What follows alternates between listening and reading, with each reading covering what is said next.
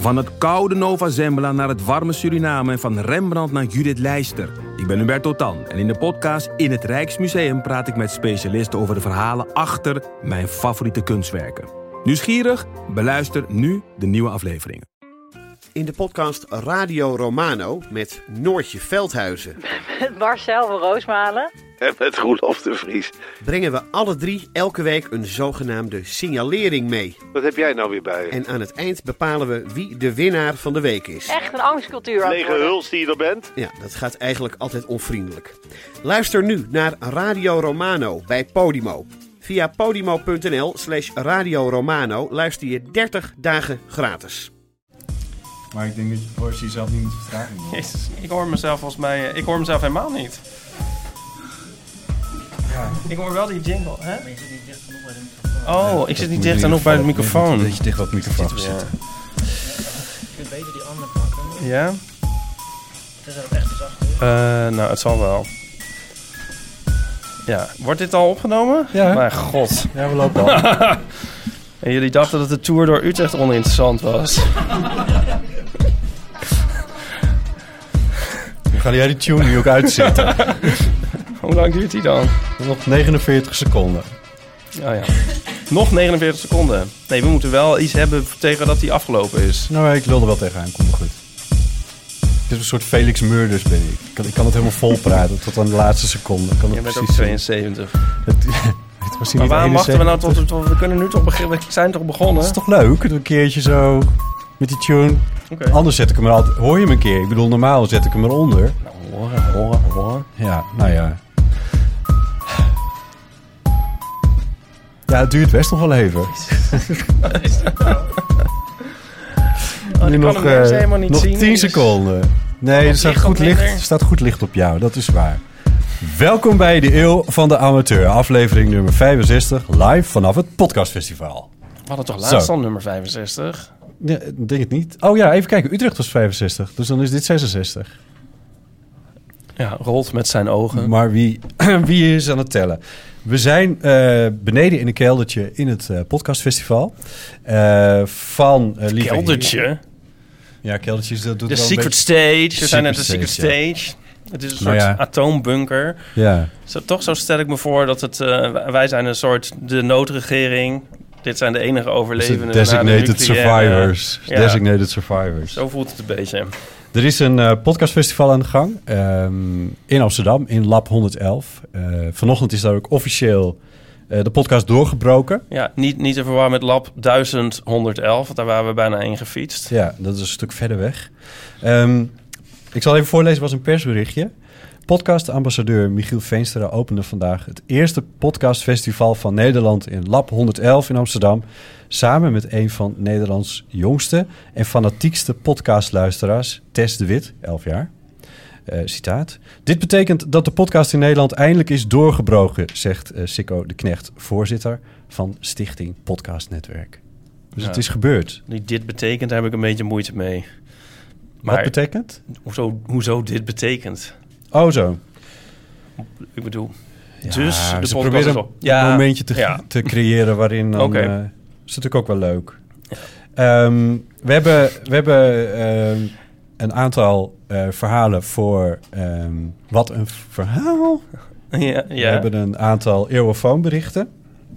Ook reacties op onze vorige aflevering waarin we het over Utrecht hadden. En we hebben hier een microfoon liggen, daar, eh, bij onze lieftallige assistent. Dat is Nico, die eh, ons vandaag eventjes helpt met de techniek en met eigenlijk alles wat we hier aan het doen zijn.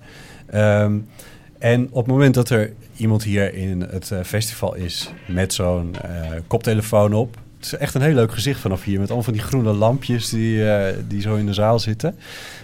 Want er zijn een soort silent disco koptelefoons. Misschien moet ik dat er even ja bij sterker nog niet een soort. Het zijn... Ja, het zijn silent silent disco disco koptelefoons. Dus iedereen kan naar ons luisteren... terwijl wij niet over de zaal uitversterkt worden bijvoorbeeld. Dus dat heeft weer iets, eh, iets intiems, vind ik zelf. Ik weet niet hoe het voor jullie is, maar ik Je vind zou het zelf... ook af kunnen zetten, want je, we zijn ook gewoon te verstaan, denk ik. Ja, maar dan hoor je niet als, als we Nee, nee, hou maar op. Als we fragmentjes spelen, dan hoor je die Oh, dan niet. hoor je dus dat niet, is dan nee. weer jammer. En, En, en dit natuurlijk, voorkomt dat mensen het, eh, tegen elkaar gaan praten, als we de eeuw of... eh, ja, ook een, misschien wel een beetje, ja. denk ik. Ja, Ik vind het zelf, want Lieven Heermans, die heeft dit ge- geregeld. Die hoort ook bij dat podcastnetwerk. Die zei twee weken geleden van, ja, ik ga ehm, Silent Disco koptelefoons regelen. En toen dacht ik, oh, maar dat vind ik echt superleuk. Want eh, we zijn een keer eerder live geweest, iets van een jaar geleden of zo. En toen vond ik dat, het, dat we een beetje... Ja, ik, was... Wat doe je? Ja, nee, ik, ik, ik lachte, toen kwam van alles aan mijn neus. Maar toen vond jij het natuurlijk weer een rumoer. Ja, een beetje. Nou, kijk, weet je wat het is met podcast? Er zit een soort intimiteit in. Eh, een soort één op één. En dat is weg als je voor een zaal gaat zitten. Ja, maar nu is het wel makkelijker voor ons om de zaal te vergeten. Ik zit toch met... Ik, toch, ik weet ook nog niet zo goed hoe ik nou moet gaan zitten. Of ik iets meer zo moet gaan zitten. Richting Of mij, iets meer zo. richting de zaal. Ja. Ja, dan moet je maar even uitvogelen. Er zou eigenlijk hier nog een glazen wand moeten zijn. Dus een spiegelwand waar, waar je van één kant doorheen kan kijken. Ja. Zodat je naar jezelf kan kijken. Nee, gewoon... Nee, ik weet niet. Nou ja, maar de vorige keer waren we geloof ik te veel met de zaal. Dus we moeten nu de- misschien iets meer doen alsof de zaal er niet is. Nou, niet, niet dat de zaal... Nee, want daarvoor hebben we nou die Oh, we wel een microfoon. microfoon. Oh ja. Dus als mensen het leuk vinden om eh, een vraag te stellen of om iets te melden, of bijvoorbeeld ook iets te melden hebben over een kwestie waar wij het over hebben, dan nodigen we iedereen toch van harte uit om even naar voren te komen en om eh, op die gelegenheid te baat te nemen om daar eh, eh, even mee te doen met onze podcast, zal ik maar zeggen. Maar die podcast creëren, de- of de, sorry, de koptelefoons, die creëren wel weer een soort intieme sfeer. Er is niet een soort zaalsfeer Nee. nu. Nee, het is heel intiem. Dat vind ja, ik ook wel. dat vind ik eigenlijk wel leuk. Ja. Dus ehm, eh, laten we gewoon beginnen. Oké. Ik weet eigenlijk nooit hoe goed wij Heb je, beginnen. ons, heb, je me, al- heb je me al voorgesteld? Oh ja, eh Ipe Driessen. Hardo. Mijn naam is Botte Jannema. Welkom bij de Eeuw van de Amateur, aflevering nummer 66. Oké. Zo, nu hebben we het een keer goed gedaan. Ja, dan Als je- beginnen we gewoon met onze succesrubriek. Ja, onze succesrubriek. Eh, je bedoelt natuurlijk... eh, je,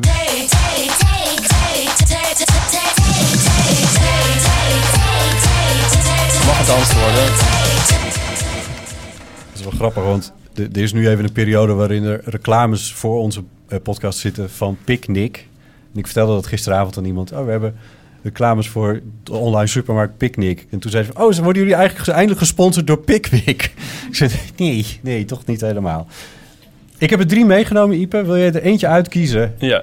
Ze zijn ongeopend. Theezakjes bedoel ik dus, van Pickwick. Zal ik hem voorlezen? op het labeltje vragen zijn geschreven. En dan gaan we ons dan tegenaan bemoeien. Ugh. Ik bedoel, dat doen we niet. Behalve dat we het altijd doen. Wat waardeer je het meest in vriendschap? Ehm, Ja, goed antwoord. ja. ja, ik vind hem wel ingewikkeld. Want je hebt vriendschap in zoveel soorten. En in verschillende vriendschappen waardeer je weer verschillende dingen. Tenminste, dat is bij mij wel zo. Noem, noem, noem er eens eentje. Nou ja, mijn vriendschap met jou is bijvoorbeeld van een andere aard... dan mijn vriendschap met eh, andere mensen die ik, waarmee ik een kantoor deel bijvoorbeeld. Ja. Of de vriendschap van mensen die ik maar één keer in zo, of die in appgroepen zitten. Dat is ook weer zoiets. Ehm, ik ben met mijn broer volgens mij ook bevriend. Maar dat is ook weer een ander soort vriendschap. Mhm. Ja, ik vind het een rare vraag. Want vriendschap, dat, die, dat, wat waardeer je in vriendschap? Ja, Dan ga ik gelijk heel een soort utilistisch denken. Zo van, nou, dat, dat ze je helpen verhuizen als het eh, nodig is of zo. Maar dat zal Ja. vast wel niet bedoeld worden. nou wat er bedoeld wordt is natuurlijk niet helemaal duidelijk. Maar wat waardeer je in vriendschap? Het, mm, ja, daarom zat ik, zat ik ook steeds te murmelen. Omdat ik denk dat het antwoord... Het is, dus, het is heel... Het, Vriendschap aan zich is iets wat je waardeert, toch? Of ja, zo. ja. Als je dat zo ontleedt, dan wordt het volgens mij... eh, Nou ja, maar het, omdat het antwoord ook... Als ik er een antwoord op dan zou het misschien zijn... eh, dat je je wat minder eenzaam voelt. Maar dat oh. klinkt ook meteen weer heel dramatisch. Ik vind het wel gek dat nu we zijn weer voor een zaal... en dan komt er niet een soort... Oh, uit de zaal. Maar ja... Maar, Ja. maar, dat is, maar is dat niet waarom we überhaupt als mens soort vriendschappen sluiten? Ja. Ja. Dat is een heel moeilijke. Ik vind het wel... eh, Zullen we de pak, kunnen we nog een andere pakken? Is dat te laat? Nog gewoon nog Eh, één? Ik heb toch liever zoiets van... eh, wat ligt er op je nachtkastje? Nou, wat ligt er op je nachtkastje? Eh, Nico heeft er net een foto van Nico en mij gezet. Dat vind ik wel heel grappig. Er is maar één nachtkastje. Dat is ook, ik slaap bij de muur. Er is maar plek voor één nachtkastje. Ja. En dat is aan Nico's kant. Dus ik heb geen nachtkastje. Ehm, En daar staat nu een, een fotolijstje op waar ja, jullie... en een fo- foto van Nico en mij. En ik vind dat zelf heel erg Bert en Ernie-achtig. Mocht dat, mocht dat... Ja, dat is wel een beetje waar, ja. En mocht dat bed van jullie zich dan op een gegeven moment vullen met mensen... dan kun je in ieder geval altijd nog even controleren wie er eigenlijk bij dit bed horen. Dat is ook wel wel... ja. Ja, mooi. Misschien hebben Bert en Ernie het daarom ook. Ja. Maar daar hangt hij dan boven hun hoofd. Maar goed. Oh ja, dat is waar ook, ja. Ja, daarom, daarom er was ook Bert en en Ernie nieuws was er ook nog natuurlijk. Dat ze de schrijver... Dat ze gay zijn. bedenker, ja, ja. Hoe vond je daar nou van? Wat vond ik ervan? Ja, daar heeft Pauline het, me- het wij- meest wijze al over gezegd. Eh, Ja, op de voorkant van de Volkskrant meteen ook maar. Ja. Ja, dat, dat er een soort onduidelijkheid was over hun relatie. En dat die onduidelijkheid nou juist is wat het aantrekkelijk maakt. Ja. En wat heel veel dingen aantrekkelijk maakt. En ehm, dat klopt. Dat is zo. Ja. En ik mis dat vaak in het, in als volwassene, dat dingen dus te duidelijk zijn. Dat vind ik dan jammer. Juist een soort dat mysterie dat je iets niet begrijpt of zo. Of vroeger dat je iets zag en dan wist je niet wat het was en dan was het alweer weg en zo. Ja. En, ehm, maar ook hoe dingen inderdaad in elkaar zitten, dat, dat, maar dat, dus dat is zonde eigenlijk om dat te gaan zeggen. Ik zal mijn telefoon eens uitzetten. Eh, Ja, dankjewel. Eh, De, ik, ik had bij de, een beetje het, in het verlengde daarvan had ik zoiets van... ja, maar nu gaan natuurlijk mensen die hier heel erg op tegen zijn... want die blijven er toch altijd... die worden hier natuurlijk weer boos over. Terwijl zolang het inderdaad niet benoemd is of onbekend is... kan het gewoon zijn. Ehm, en dat betekent dat kinderen zitten te kijken naar een televisieserie voor jonge kinderen... want dit is echt voor heel jonkies. Eh, waarin twee ja, Poppen. ogensch- ogenschijnlijk mannelijke poppen, laten we het zo zeggen, eh, samenwonen. Wat, wat, natuurlijk, wat je helemaal niet hoeft te associëren met, eh, met gay of met homoseksuelen, wat dan ook maar. Eh, maar wat het wel kan zijn, wat het misschien ook minder gek maakt als het dan in het echte leven een keertje zo is. Ja, ik ben eigenlijk geneigd nu ik erover nadenk om... eh, de- zullen we hier ook een jingle voor maken?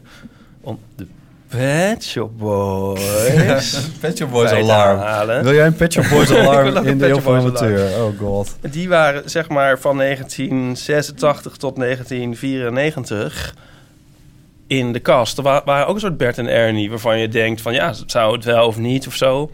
Je wist eigenlijk Heeft er wel ooit wel. iemand gedacht? Ja, precies. Nou ja, nou ja, maar ze zeiden niks. En je had dus heel aantrekkelijke, eh, ambivalente liedjes. Een best voorbeeld is het liedje I Want a Dog.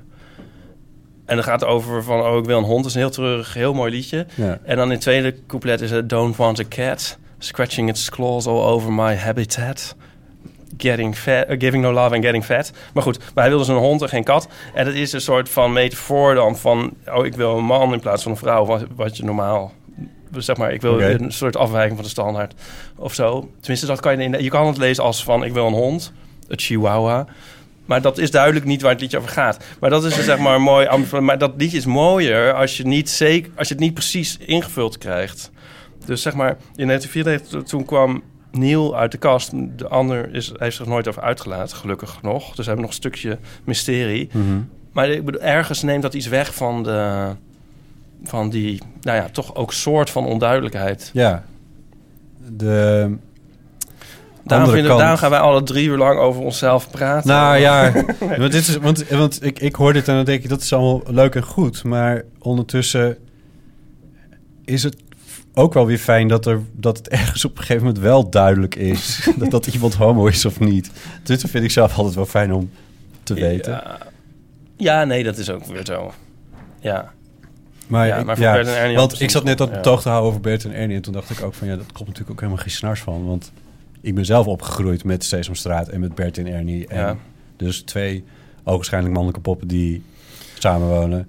Terwijl het voor mij, het heeft ongeveer tot mijn achttiende geduurd... voordat ik maar een klein beetje begreep dat het ook zoiets daadwerkelijk bestaat en kan en een naam heeft. Dus eh, Ik zie nou jou een soort op je 18 nog steeds naar Sesamstraat kijken en denk je van, hé, hey, wacht, dit kan ook Ja, dat echt. klopt wel ongeveer, ja. ja, precies. Ja. ehm, over vriendschappen gesproken trouwens. Bert en Ernie hadden wel een heel mooi vriendschap. Ja, Hebben. ik dacht ook altijd volgens mij een soort van dat dat broers of zo waren, denk ik. Oh, ja. Ja, ja. Zoals dat vroeger ook bestond. Dat, Ja, volgens ja. mij bestaat dat nu echt niet meer. Maar vroeger had je ook van die samenwonende zussen en zo. Zoals... ehm, Bestaat dat niet meer? oh, Zoals? hebben we samenwonende zussen? In de zaal. Zijn ze Heeft verlegen? iemand met zijn zus samengewoond? met zijn broer? Haar broer? Jij met je broer samengewoond? Nog steeds? Met je zus samen? Moet er niet een microfoon heen? Ja, doe maar even.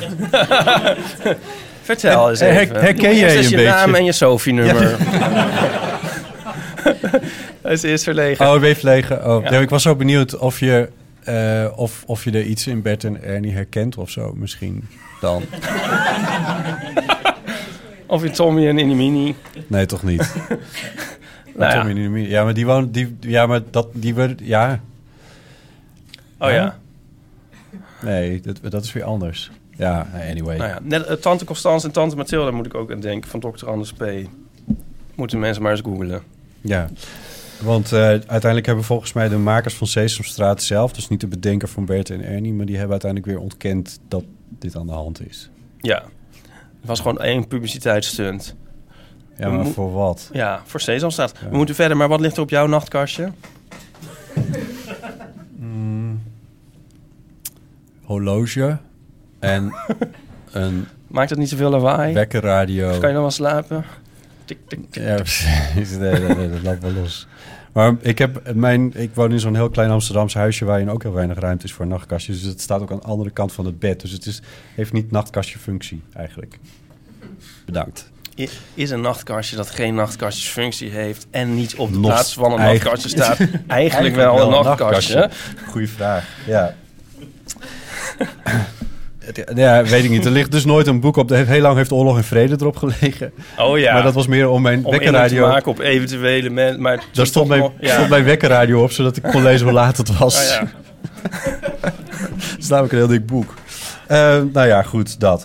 Hey, zullen wij eh, naar... Zelf eh, bijna een nachtkastje. Als je dat gewoon op de grond naast je bed legt, dan heb je al bijna een nachtkastje. Ja, dat is wel waar, ja. ja. Hey, we hebben wat post gekregen. Ja, eh, waaronder een, eh, een, eh, een mail van iemand die onze Utrecht-uitzending echt helemaal niks vond. oh, ja? Maar die ga ik niet voorlezen. Nee. Maar dat het mag. klinkt alsof we heel salty zijn, maar dat mag. Dat is ook goed als mensen dat zeggen, hoor. Ja, want daar leren we weer van. Als Dan gaan mensen we wel die voorlezen van iemand die hem wel goed vond? Ja, Oh. in de laatste aflevering van De Eeuw vragen jullie naar de mening van de luisteraar over het op locatie opnemen. Ik vind het een heel erg leuk idee. Ik heb ook weer vreselijk om jullie moeten lachen. Het is ook juist leuk dat er wat omgevingsgeluid bij zit. Dus wat mij betreft voor herhaling vatbaar. Ja. Kunnen we wel handen doen van... eh, hebben jullie de Utrecht-aflevering gehoord? Oh. Nou, de, overgrote meerderheid. Vonden jullie hem leuk? Eén, twee, ja, oh, 100 procent. Ja, precies. Nou ja, goed. We moeten even kijken of we dit nog een keer... In ieder geval één keer. Je wil nog een keer in Friesland zeker? Ja. Ja, dat dacht ik al. Ja. Er wordt uit de zaal Leeuwarden geroepen. eh, culturele hoofdstad op dit moment. Ik heb zelf maar heel kort in Leeuwarden gewoond, dus ik kan er wel iets over vertellen. Maar ik weet niet of het de meest spannende aflevering wordt om naar Leeuwarden te gaan, om heel eerlijk te zijn. Ehm, maar we nemen het in overweging. Dankjewel voor de suggestie. Heel goed. Dan was er nog uh, Niekgen op eh, Soundcloud. Die schrijft... Oh, Ipe vond eh, de mensen ook zo onaardig in Piet Snot. Precies de reden dat ik daar niet meer naar binnen wilde. Ha! Dus dat, dat- Tweede keer dat we deze zaak helemaal kapot maken. ja, het bestaat al niet meer, toch? Ja, het is nu dus een eh, soort eh, wafel- en t-shirt winkel. Ja, precies. Ja. Ehm, zullen we eventjes naar wat... ehm, eh, naar onze rubriek... de, ehm, eh, wat een verhaal eh, gaan? Ja? Ja, sorry, ik ben, me- ik, ik ben een beetje verkouden geweest. Dus ik kan dat overslaan van de stem. Oh, dat kan niet. Maar dan hebben we toch ook een jingle, hoor. Ja, precies. Dus dat kunnen we daar gewoon in Ja. eh, eh, uithalen. Eh, want we hadden de vorige keer verhalen over taxis. Daar is nog een nagekomen verhaal over taxis gekomen. Eh, en we riepen op, omdat we Sidney Smeets te gast hadden, eh, de strafrechtadvocaat, eh, om verhalen over politie en justitie Ja. in te sturen. Daar hebben we ook een paar van gekregen. En we moeten natuurlijk weer even een nieuwe brengen. Ehm, en dat doen we allemaal omdat we eh, in deze periode gesponsord worden door Storytel, die duizenden audioboeken heeft. Ehm, en eh, deze rubriek die dragen we een beetje aan hen op, omdat we denken dat het leuk is om naar verhalen te luisteren. En als je het leuk vindt om naar verhalen te luisteren, dan zit je bij Storytel natuurlijk goed.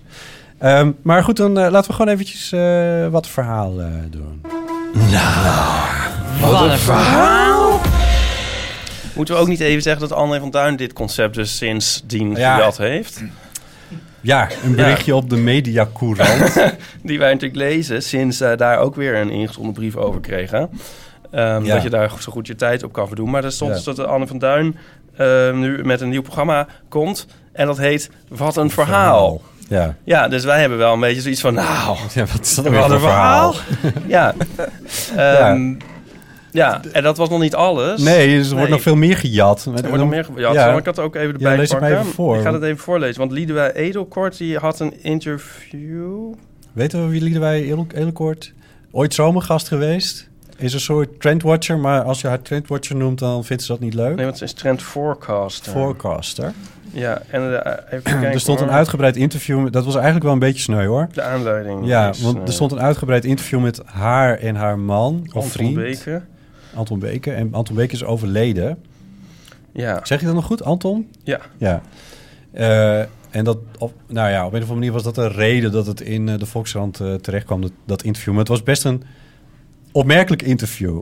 Ja, en dan zegt zij... Ik ben bezig met een boek over 2050... en ik heb toch hoop dat we het gaan redden.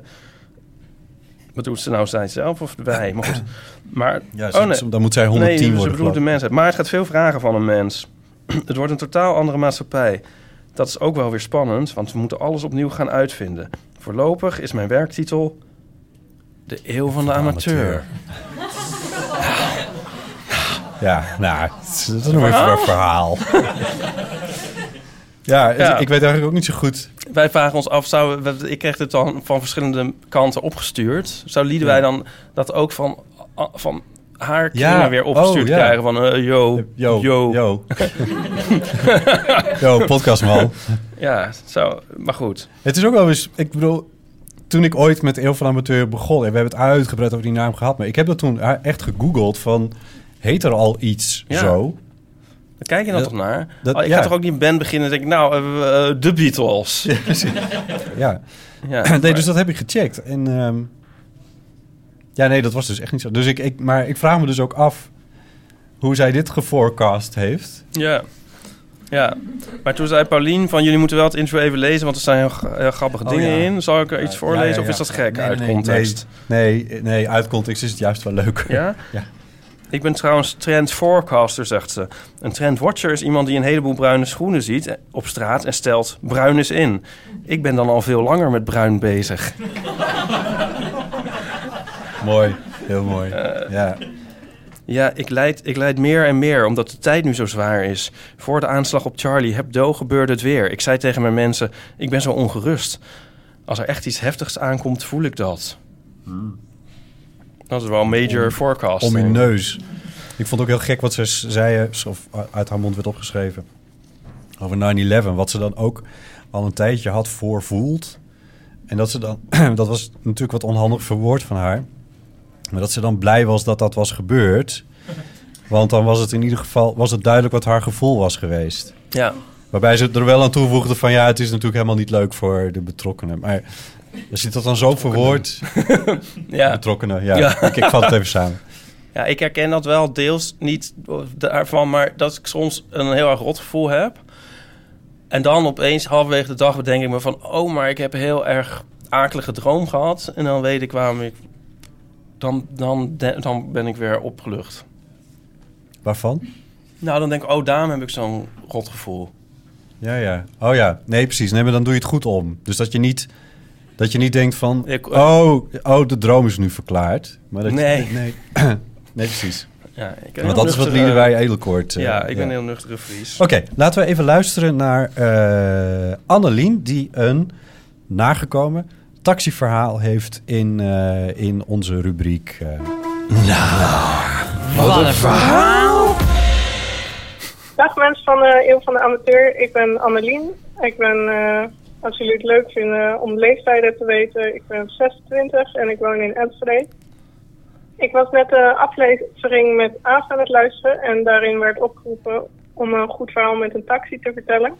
Het is even geleden, maar ik heb een goed verhaal over een taxi en ook nog over Friesland. Dus wat wil je nog meer?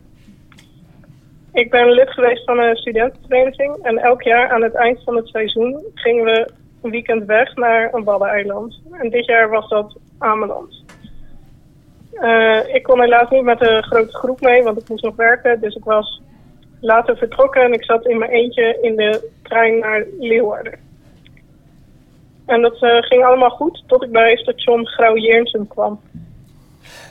Eh, ik zat vlak bij de deuren en de trein stopte en iemand stapte uit.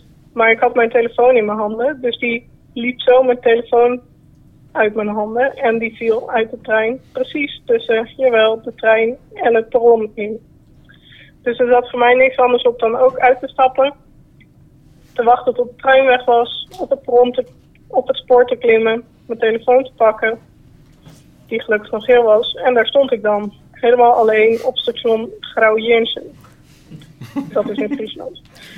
Ik weet niet of je er wel eens geweest bent, maar het bestaat uit een eh, station, een fietsenstalling, een klein parkeerplaatsje en verder heel veel weilanden. Met in de verte een bushalte waar alleen één keer in de drie uur een bus ging.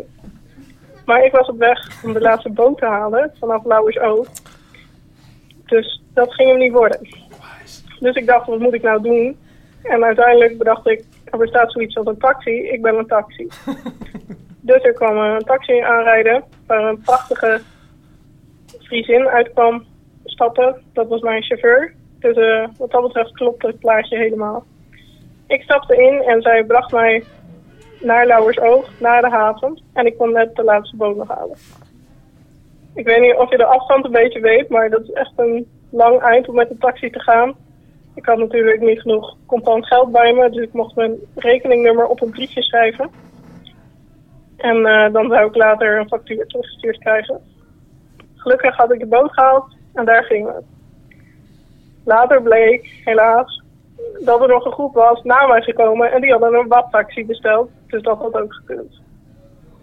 Wat taxi? Nou, het was een hartstikke leuk weekend en ik was eh, de taxi al bijna weer vergeten.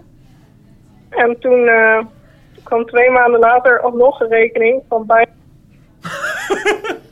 Voicemail vol. Precies met de clue. Annelien, je moet even terugbellen, want we weten niet hoe dit afloopt. Dit is echt onver- onverteerbaar. Een taxirekening van vij- ja, 1500 euro. 50, 15. Ja, zeg het maar. Er zat trouwens nog een, eh, een andere eh, vergissing in, eh, hoorde ik net. Ik weet, is er iemand het opgevallen? Dat er nog een vergissing is. Jij, heb jij het gehoord? De boot naar Ameland gaat niet vanaf Lauzo. Yes, heel goed. de boot naar, zij zei dat ze de boot naar Ameland moest halen. Die, die gaat vanaf Holwert. En vanaf Lauwersoog kom je op Schiermonnikoog. Ehm maar goed. Vanaf beide... Nee, het gaat over Friesland. Ja, ik zie de mensen aan licht de mensen hangen. graag Ja, voor. zo. Ehm, maar goed, Annelien, je moet even terugbellen met twee dingen. Zou Of, ze nou zelf doorhebben dat de clue er niet op stond? Waarom heeft ze niet gewoon teruggebeld? Van, oh ja, by the way, het was... ja, volgens mij hoor je dat wel als, als de voicemail zegt van... Uw bericht is, heeft maximale... Ik weet niet wat dat... Dat hoor je volgens mij. Ja, ik weet niet. Ze heeft niet teruggebeld. Nee. Maar bij deze, Annelien, bel alsjeblieft even terug. Want we willen wel heel graag weten hoe dit in vredesnaam afloopt. Nou, we hebben nog twee eh, wat een verhaal verhalen. En die zijn beide van dezelfde persoon die de vorige keer ook al iets insprak. Namelijk Joost. Ja, hallo met Joost. Ik heb nog een voor jullie rubriek. Nou, wat een verhaal.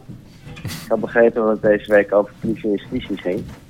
Ik heb een verhaal over politie en justitie. Hoofdzakelijk over politie. Ik was een keer onderweg naar eh, Groningen, was eh, naar de tandarts. Ik was te laat. En dit was zo toen, eh, toen je nog 120 mocht. Speelt het Maar allemaal ja, zo in Noord-Nederland rijdt niemand 120, daar rijdt iedereen 140.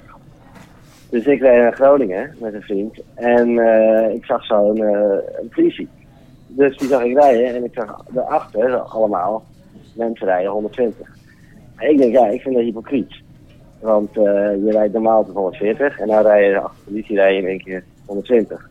En ik ga niet over hypocrisie, dus ik dacht, ja, ik ga niet dat doen. Ik ga dan niet met 140, maar dan ga ik wel met 130 er langs. Zodat ik laat zien, ik ben niet hypocriet. Dan ook, dus ik rijd er langs en eh, nou, het gaat erg goed. En op een gegeven moment word je dus toch aangehouden. Want ja, dat mag dus niet. Dus die politie komt bij mijn raampje. En ik zeg, ik weet te hard. En toen vond die man meteen wel aardig, omdat ik meteen zelf zei, ik weet te hard. En toen, eh, dus ik zei, ja, ik moet naar de tandarts. En ik zag iedereen daar achter je rijden. Maar ja, ik vond dat heel hypocriet. Ja, dat vond hij dan best wel leuk dat ik dat zei. "Nou, dat weet ik wel, zei die man. Ja, ik ga niet, want je, weet je ook met verzekering en zo, je moet gewoon 120. Dus ik zei, oké, nou, doe maar. Ik rijd nog naar de tandarts, nou, eh, dat is nog veel te laat natuurlijk. En die vriend die in mijn auto zat, die dacht, dit is een goede truc. Dus die eh, wordt een week later aangehouden. Ja, ik had een schaap in die tijd. Dus dan, weet je, dat, dan heb je een soort van... Volgens mij werkt dat heel goed op de politie. En die vriend die heeft een Porsche, dus die dacht ik ga het ook proberen, maar het was niet gelukt, had een hoge boete gekregen. Die had een hoge boete gekregen, ja. Nou. Dit is nou een verhaal. Ja. Nee, ik, denk ook niet dat, ik denk dat je wel echt mazzel moet hebben met, eh, met de politieagent eh, die, eh, die dat dan wel grappig vindt. Ja, ik rijd dan zelf eh Batavus. Ja, daar hebben mensen ook wel veel sympathie voor. Joost heeft nog een verhaal ingestuurd. Oh. Zullen we het meteen ook... Nou, eh, ja. Nog een politie- en justitieverhaal. Ja, met Joost weer. Ik eh, had net dat verhaal over eh, politie en justitie. En dat deed me denken aan een ander verhaal dat ik ook nog had. Deze is zo kort. Dat ik op de fiets in Amsterdam en we stonden voor een rood licht, maar het was een, een onzinnig rood licht, want er was niemand. Helemaal niemand. Behalve eh, zeg maar tien fietsers die allemaal aan het wachten waren voor het rode licht. Normaal fiets je dan door, maar tussen die tien fietsers zaten twee politie. Dus eh, iedereen daar wachten. Het duurt super lang. Dus op een gegeven moment zo gaat hij eindelijk op groen. Er is zo'n man die vooraan stond. Zo, niet, echt, niet bewust denk ik, maar zo half onbewust, onvrijwillig. Zegt iemand zo, ja. En toen moest iedereen heel hard lachen, inclusief de politie. Inclusief de politie. ja. Een soort, soort eh, politie-correct. Dus niet politiek-correct, maar politie-correct Ja. gedrag. Ik vind het wel grappig over die hypocrisie. Inderdaad, dat is eigenlijk hetzelfde dus. Dat je gaat wachten op een gedicht waar je normaal niet op wacht. Ja. Ja, ik herken het wel dat je soms... Dat het soms gênant is om je zeg maar aan de regels te houden. Ja, ja dat, dat je een beetje, dat beetje roomser dan de paus door het verkeer be- beweegt. Heb je het over verkeersregels eigenlijk? Ja, of verkeersregels. Ja, over andere vooral dingen? inderdaad wachten op een stoplicht. En dat je dan zo lang er staat. En dat je dan denkt van nou, die mensen moeten echt denken van wat is dit voor... Ja. Ja, ik had dit eigenlijk dinsdag nog in Hilversum. Dat is echt autostad nummer 1. En dan sta je zo heel lang, moet je dan altijd... En dan staat er zo'n autootje te wachten. En dan denk ik van, nou, die, die vrouw in dit geval zal toch wel denken van... Hij had al honderd keer echt letterlijk over kunnen steken. Maar daar staat hij nog steeds. Wat, wat is dit voor type? Ja. Ja. ja, ja, ja. Maar goed. Ik, ik heb zelf eh, ook wel die neiging om eh, bij... ehm, als er politie in de buurt is, me wat netjes er in het verkeer te... Ja, netter? Netter in het verkeer te Netjeser. gedragen. ja. Dan ik normaal doe. Maar ik doe dat ook wel een klein beetje als ik eh, kindjes eh, zie. Oh ja. Dat is, ja, Ja, die wil je niet helemaal corrumperen. nee. Nee. Ik die van eh, Nee. hier al dwars doorheen te Ja, maar dan kan dus ook weer dat heel stomme ontstaan. Dan, dan stop je, zeg maar, omdat een, kind, een moeder met een kind of zo staat te wachten op een Ja. heel dom stoplicht, waar Ja. dan niet nodig. En jij er zo ook bij wachten. En dan komen er weer allemaal mensen zo, zo Ja, ja, ja. 50 keer er langs. En dan denk je van, ja, wat sta ik hier nou weer als voorbeeld te geven eigenlijk van... oh, er zijn ook heel suffe mensen. Ja. maar ja, jij bent dan wel het... het jij, ja, jij staat dan wel aan de goede kant. Ja. Dat zat er op in, in, in jouw Ja. wereldbeeld. Ja, dan zie je dat kind zo'n blik toewerpen van... Jesus, wat een eikel. Dat hij gewoon rijdt hij niet door. Ik heb trouwens, weet je waar ik dit ook heel erg mee heb? Ja. Ehm, ja, ik eet dus als bananen. Daarom had ik die mee voor dit verhaal. Nee, niet echt. Ik, het is gewoon omdat ik wel bananen eet. Maar dan soms, dan eet je een banaan. En dan heb je hem dus op. En dan is er geen prullenbak. En dan soms moet je dan heel lang met een bananenschil over straat lopen. Dan vind ik dus net zoiets dat ze dan heel lang op groen licht wachten. En dat mensen dan denken van... eh, ja, wa- waarom loopt hij met een bananenschil? Jesus, durft hij die niet op de grond te gooien of zo? Wat is dit? En zo, hoe lang kan dit nog doorgaan? Ja. Ja. Denk En- jij dat zij denken? Ja. Ik denk En soms- niet heel veel mensen met jouw bananen. Soms doe ik hem wel eens in mijn zak dan, zeg maar. Een bananenschil? ja, want anders denk ik van, ja, dit ziet er niet uit. Dan loop ik hier honderden meters Nee, met een een... bananenschil in je binnenzak, dat ziet er lekker uit. Ja, maar dat kan je zo, een tosti in je binnenzak. Ik doe hem dan in mijn... eh, maar ja, nou ja, goed. Weet je, het is zelfs zo dat... ehm, ik kreeg al, altijd meestal een banaan na het sporten. En dan wist ik dat ik hem zeg maar bij de, op, bij de Linnaeusstraat op de hoek bij het politiebureau moest ik zorgen dat ik van mijn schil af was. Want anders had je Anders de moest politie... ik all the way Oh. naar huis met die schil lopen. Ja, oh ja. ja. Heb jij Ja, dan dus nu- dan stond ik wel eens daar bij die prullenbak nog even die banaan op te eten. Dat ziet er ook niet uit. Nee. Een verwarde man eet banaan Eet banaan bij prullenbak. Bijna een AT5-bericht. Eh, maar in deze banaan die je nu bij hebt, heb je al bekeken waar je je kan gaat weggooien. ontdoen van Nou, deze... kijk, ik kan die hier eten en dan is er straks van alles om weg te gooien. Een theezakje en zo. Tenminste, nee, die, die gebruiken we nog. Maar dit, waar het in zat, nee, dan nemen we het misschien mee in huis. Nou, ja, ik hoop dat er dan andere dingen zijn om weg te gooien. Dat kan dan s- ergens misschien de organisatie ruimt hem dan misschien op.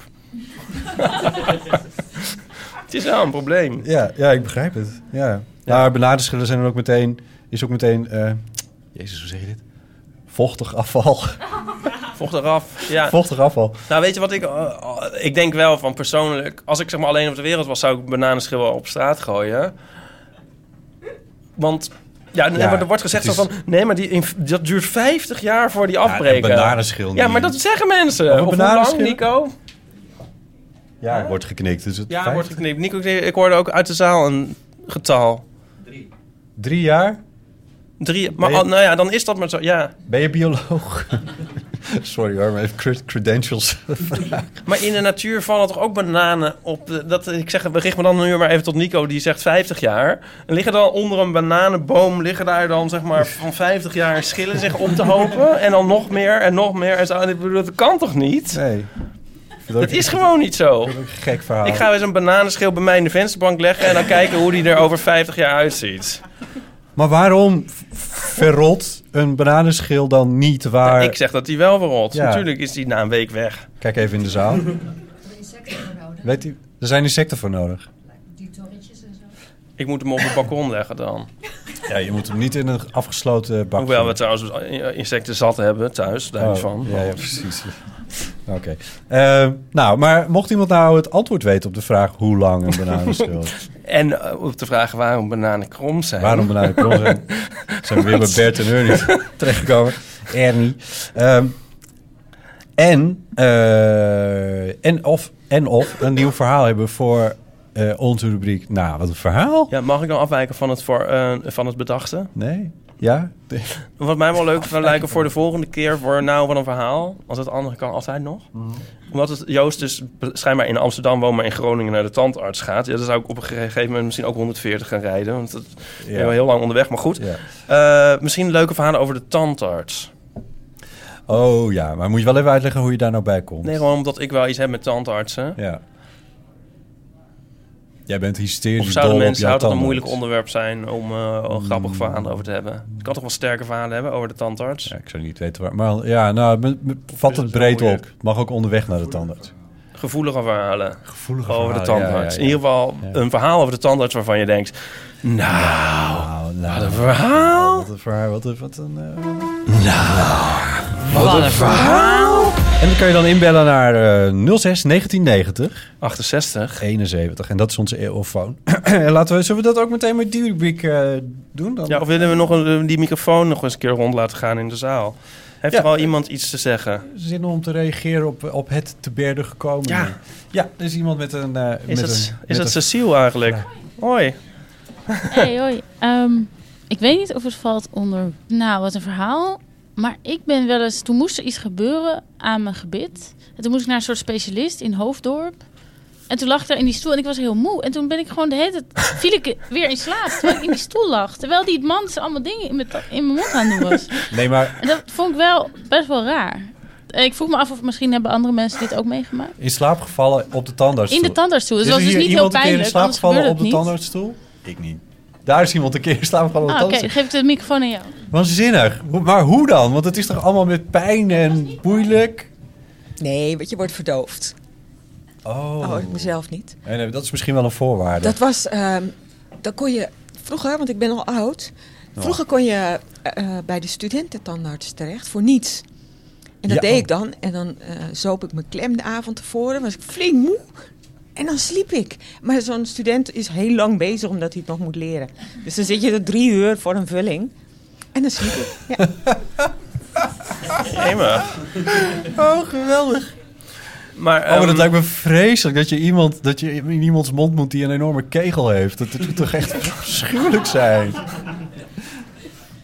Ik vind dat wel hardcore. Om dan, eh, ik, ik ben wel eens naar de kappersacademie gegaan. En, eh, Om je haar te laten knippen door een student. ja, Ja. het gaf mij niet zeg maar ehm, de, de, de, de, de zekerheid om dan ook naar de studententandarts te gaan. Die, de zelfverzekerdheid. Ja. Ja, ja, ja. Maar ehm in vallen, maar dat, dat vind ik wel heel tof. Ehm, ik weet niet, moet ik dit Ja. nog erop zetten of niet? Eh, wat wil je horen? Nee, zijn die vragen nu opgenomen? Ja, die zijn Oh. opgenomen. Ja, dat zit goed. Ja. Ja, maar wel leuk, want dit werkte meteen. Ja. Ja. Wat zou ik nou zeggen? Ik had ook nog iets. Ik zou het wel soms Oh ja. willen natuurlijk, bij de tandarts in slaap vallen. Het lijkt me wel heel lekker. Vond je dat fijn? Ik niet, want ik vond het een beetje gênant. Gênant, ja. Gênant. Ja, die, hij is de werk aan het doen. Maar kon je dan wel je... Oh ja. En ik ben zo onbeleefd dat ik gewoon in slaap val. eh. En, maar maar, kon je dan wel je mond open houden? Dat moet dan ook nog. ah, het was gewoon een heel raar psychedelische ervaring. Maar het, het was dus niet dat hij pijnlijke dingen deed. Hij was een soort polijstachtig Oh ja. gebeuren aan het doen. Maar ik vond het wel heel... Ja, ik vond het een beetje gênant. of zo. En het bedoel, is want- nooit meer gebeurd daarna. Nee, dat niet. Nee. ja, maar ik vond, ja, ik vond het gewoon gek dat dat kon. Grappig. Maar ook, het is toch ook een beetje alsof ik nu met jou praat en dat ik dan opeens zo Dat is gewoon best wel een beetje onbeleefd of zo. maar ja, tegelijkertijd... operatie. Ja. Ja. Maar de- ik heb nu ook de neiging om de vraag uit te breiden voor het nou wat een verhaal van mensen van wat is nou de gekste, het gekste moment waarop jij in slaap bent gevallen? Ja, dit was voor mij denk ik Ja, wel. dat Ja. denk ik een heel goeie. Maar er zullen ook heel rare momenten zijn waarop mensen in slaap zijn gevallen. Dus of die mogen, mogen of ze- van tandartsen vragen, is het normaal dat patiënten in slaap vallen? Misschien gebeurt het wel heel vaak. Ja, we nemen heel allemaal. goeie. We, nemen het allemaal mee. Ja, Oké, ja. dus hebben, moeten we het nog samenvatten? Nee, hè, de mensen weten het. Ja, dat komt wel goed. Dat komt Ja. wel goed. Over de studententandarts gesproken. Als je ehm, ook weer op diezelfde Linnéestraat, er is zo'n tandarts. En daar loop ik dan voorbij. En dan hangen de, de diploma's, of heb ik het al eens gezegd in de podcast? Nee, dan hangen de diploma's zo zichtbaar in beeld. En dat vind ik dus een soort, heel erg een soort teken dat het niet goed dat zit. het niet goed zit. Ja. Als je het zo moet showen, dan, eh, dan zal er wel iets aan... Het zal, het zal wel nodig zijn dat Ik het ben, wel, wordt. ik ben, ben wel tandartsen af geweest in mijn leven. Nooit een diploma gezien. Nee. En dan opeens hangt het er. Dan denk je is echt ook van, nou, zorgelijk natuurlijk. Dan, zou ik, dan ga ik liever Ja. naar de studententandarts. Ik had een eh, wat, wat heel lang een eh, wat oudere vrouw als tandarts, die wel heel aardig was. Ehm, maar aan de andere kant van de... ja, ze was namelijk niet zo heel erg goed. Vandaar dat ik er een beetje... Maar, ehm, en daar kwam ik achter dat ze niet zo heel erg goed was... toen ik aan mijn kant van de stad toch maar naar nieuwe tandarts op zoek ging. En terecht kwam bij iemand die volgens mij nog maar nauwelijks van de academie... of hoe heet het, eh, af was. De tandartsacademie? Het is wel heel chic waarschijnlijk voor het tandartsopleiding. Ehm, en, en die had allemaal nieuwe technieken en, en kon foto's maken waar mijn andere tandarts eh, gaten wilde boren. En mijn tand om te zien wat er aan de hand was, ging zei van nee hoor, we maken gewoon even een foto en dat soort dingen. En toen dacht ik van, nou ja, omdat, het, omdat u zei van, ik, ik ging nou naar de, de jij, je, u, zei, ik ga naar de, naar de, ging naar de, de studenten tandarts en jij zei van, nou, ik weet niet of ik daar naartoe zou durven. Ja. Maar bij mij was daar een beetje een omkering. Toen ik dacht van, ja, die oudere mevrouw met Ja. misschien heel veel ervaring is super tof en misschien wel goed. Maar hier is dan iemand die jong is en al die nieuwe technieken heeft en net van de opleiding komt. En dat is misschien ook wel weer een goed idee. Ja. Ik snap wat je bedoelt. Ja. Ja, ik bedoel, het is niet een antwoord op een vraag of zo. nee, maar nee, nee, ja, ik moet er even over nadenken. Ja. Ik was er wel blij mee dat ik nu een, een wat jongere tandarts had die wat frisser op hoogte was van de technologie. Tenminste, ja, ik weet niet, ze zullen ook wel bijscholen, denk ik. Ja, zo, als, het, maar- als je een tandarts hebt en die zegt van... nou, het is handig als je dinsdag komt, want dan is het volle maan. Dan eh, zou ik ook denken Weet je van... dat deze eh, vrouw dus wel, die oudere vrouw, die had bij mij, zei die, nou niet dit, maar het kwam wel een beetje in de buurt. Want die had op een gegeven moment een van mijn voortanden, dan zei ze, ja, er is iets mee. En je moet toch weten dat er een soort van energiebanen tussen jouw voortanden en je lever lopen en dit en dat. En dat was een van de laatste keren dat ik bij haar ben geweest. Toen dacht ik, ja, nee. Dat is toch gek, hè? Energiebanen. Ja, Ja. ja. Ja, had ze ook Charlie Hebdo voor voelt. Ja, precies. Ja, zo heten ze lieden bij. Ja, nee, nee, nee, dat, eh, dat weet ik niet. Maar nou ja, ik ben heel blij met mijn nieuwe... Met mijn nieuwe A- anyway. Met je nieuwe voortanden, had ik je gezegd. Met je nieuwe tandarts. Nee, ja. Ja. En eh, als mensen dus verhalen hebben over de tandarts... eh, of in slaap zijn gevallen bij de tand, dat valt Of daar op dan gekke moment, of op gekke anywhere. momenten in de slaap. Ja, bel dan eventjes naar de... eh, dat ding heet de eeuwofoon, maar dat het is ook de... Wat een verhaal-ofoon. Eh, en dan spreek je het daarin. Kennelijk heb je 2,5 minuut. Hou daar een beetje rekening mee. En Annelien, bel even terug, want dat eh, missen we ook nog steeds. Ehm, en dan eh, kun je daar een verhaal kwijt en dan kunnen we het daar fijn weer over hebben. Eh, laten we gaan naar 06 1990 68 71. Ja, Ipe dirigeert het integraal mee. Hartstikke mooi. Ehm, laten we eventjes beginnen met luisteren naar iemand die eh, onze Utrecht-uitzending niet zo tof vond. Jullie waren in Utrecht. Ehm, ja, ik vond het ietsjes minder leuk omdat ik jullie humor miste. Omdat jullie zo met het beschrijven van alles wat je zag bezig was. Waren jullie je grappen een beetje kwijt. Dat, dat is... eh, dat... Oké. We hebben geen naam bij deze bellen, maar hartstikke bedankt. Dit is heel erg leuk. Ja, we waren onze grappen een beetje... Ja, ja nou, het klopt wel. Normaal zitten we inderdaad met een script vol met grappen vooraf uitgeschreven. dat hadden we nu niet. Nee, nee, nee. Dat is natuurlijk allemaal onzin. Er was ook nog iemand die, eh, die het wel heel eh, tof vond. En dat was Karen. Hallo, eh Botte, Ipe en wie dit ook maar hoort. Met Karen. Ik wilde jullie even bedanken voor de aflevering over Utrecht. Ik vond het erg leuk om, eh, om te horen. Heel lang in Utrecht gewoond en kon eh, de wandeling helemaal visualiseren. En eh, nou ja, dat was het eigenlijk, want jullie vroegen om feedback over deze, deze manier van uitzenden on tour. Ik vond dat dus erg leuk. Maar dat kan ook gekomen zijn omdat het over Utrecht ging. Ik heb ook nog dingen gehoord die ik niet wist. Zoals die planeten die zelfs helemaal tot hun binnen liggen. Dus het leek me leuk om dat een keer eh, te gaan wandelen. Oh. Verder vind ik het eh, onderhoudende gebabbel, als ik het zo mag noemen, zonder hopelijk iemand te beledigen. Nee, is wel goed. Eh, nou, erg leuk en rustgevend. Dus bedankt daarvoor. En bovendien is het eh, eh, toch niet alleen maar gebabbel en raakt het alle dimensies van het bestaan. Dus plezier en uh, is een goed spectrum. Wow, raakt alle dimensies van het bestaan? Ja, gebabbel Oh. en raakt altijd die mensen van bestaan. Dat het rustgevend is, dat merkte ik wel aan haar. Ja, Karen eh, had veel rust in haar stem. Hebben het nog niet eens verteld, want hiernaast is dus een zaaltje waar mensen ook... Oh ja, dat ging met, maar zeggen. Ja, daar moet ik even aan denken. Van Ja, Karen die vertelt van, Ja, nou, het is rustgevend en zo. En zo van, hiernaast is een zaaltje ingericht door het festival... waar eh, een home trainer staat en een eh, strijkplank met was en een... Wat stond er nou nog meer? Een soort, soort, soort, soort, soort push-up apparaat. Ja, ja, precies. Nog wat meer lichaamsbewegingsdingen. Een fiets. Ja. Ja, fiets ook nog.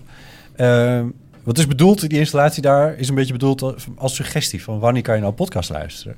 Nou, bijvoorbeeld als je die dingen doet die je daar aan het doen bent. En dan is het heel rustgevend.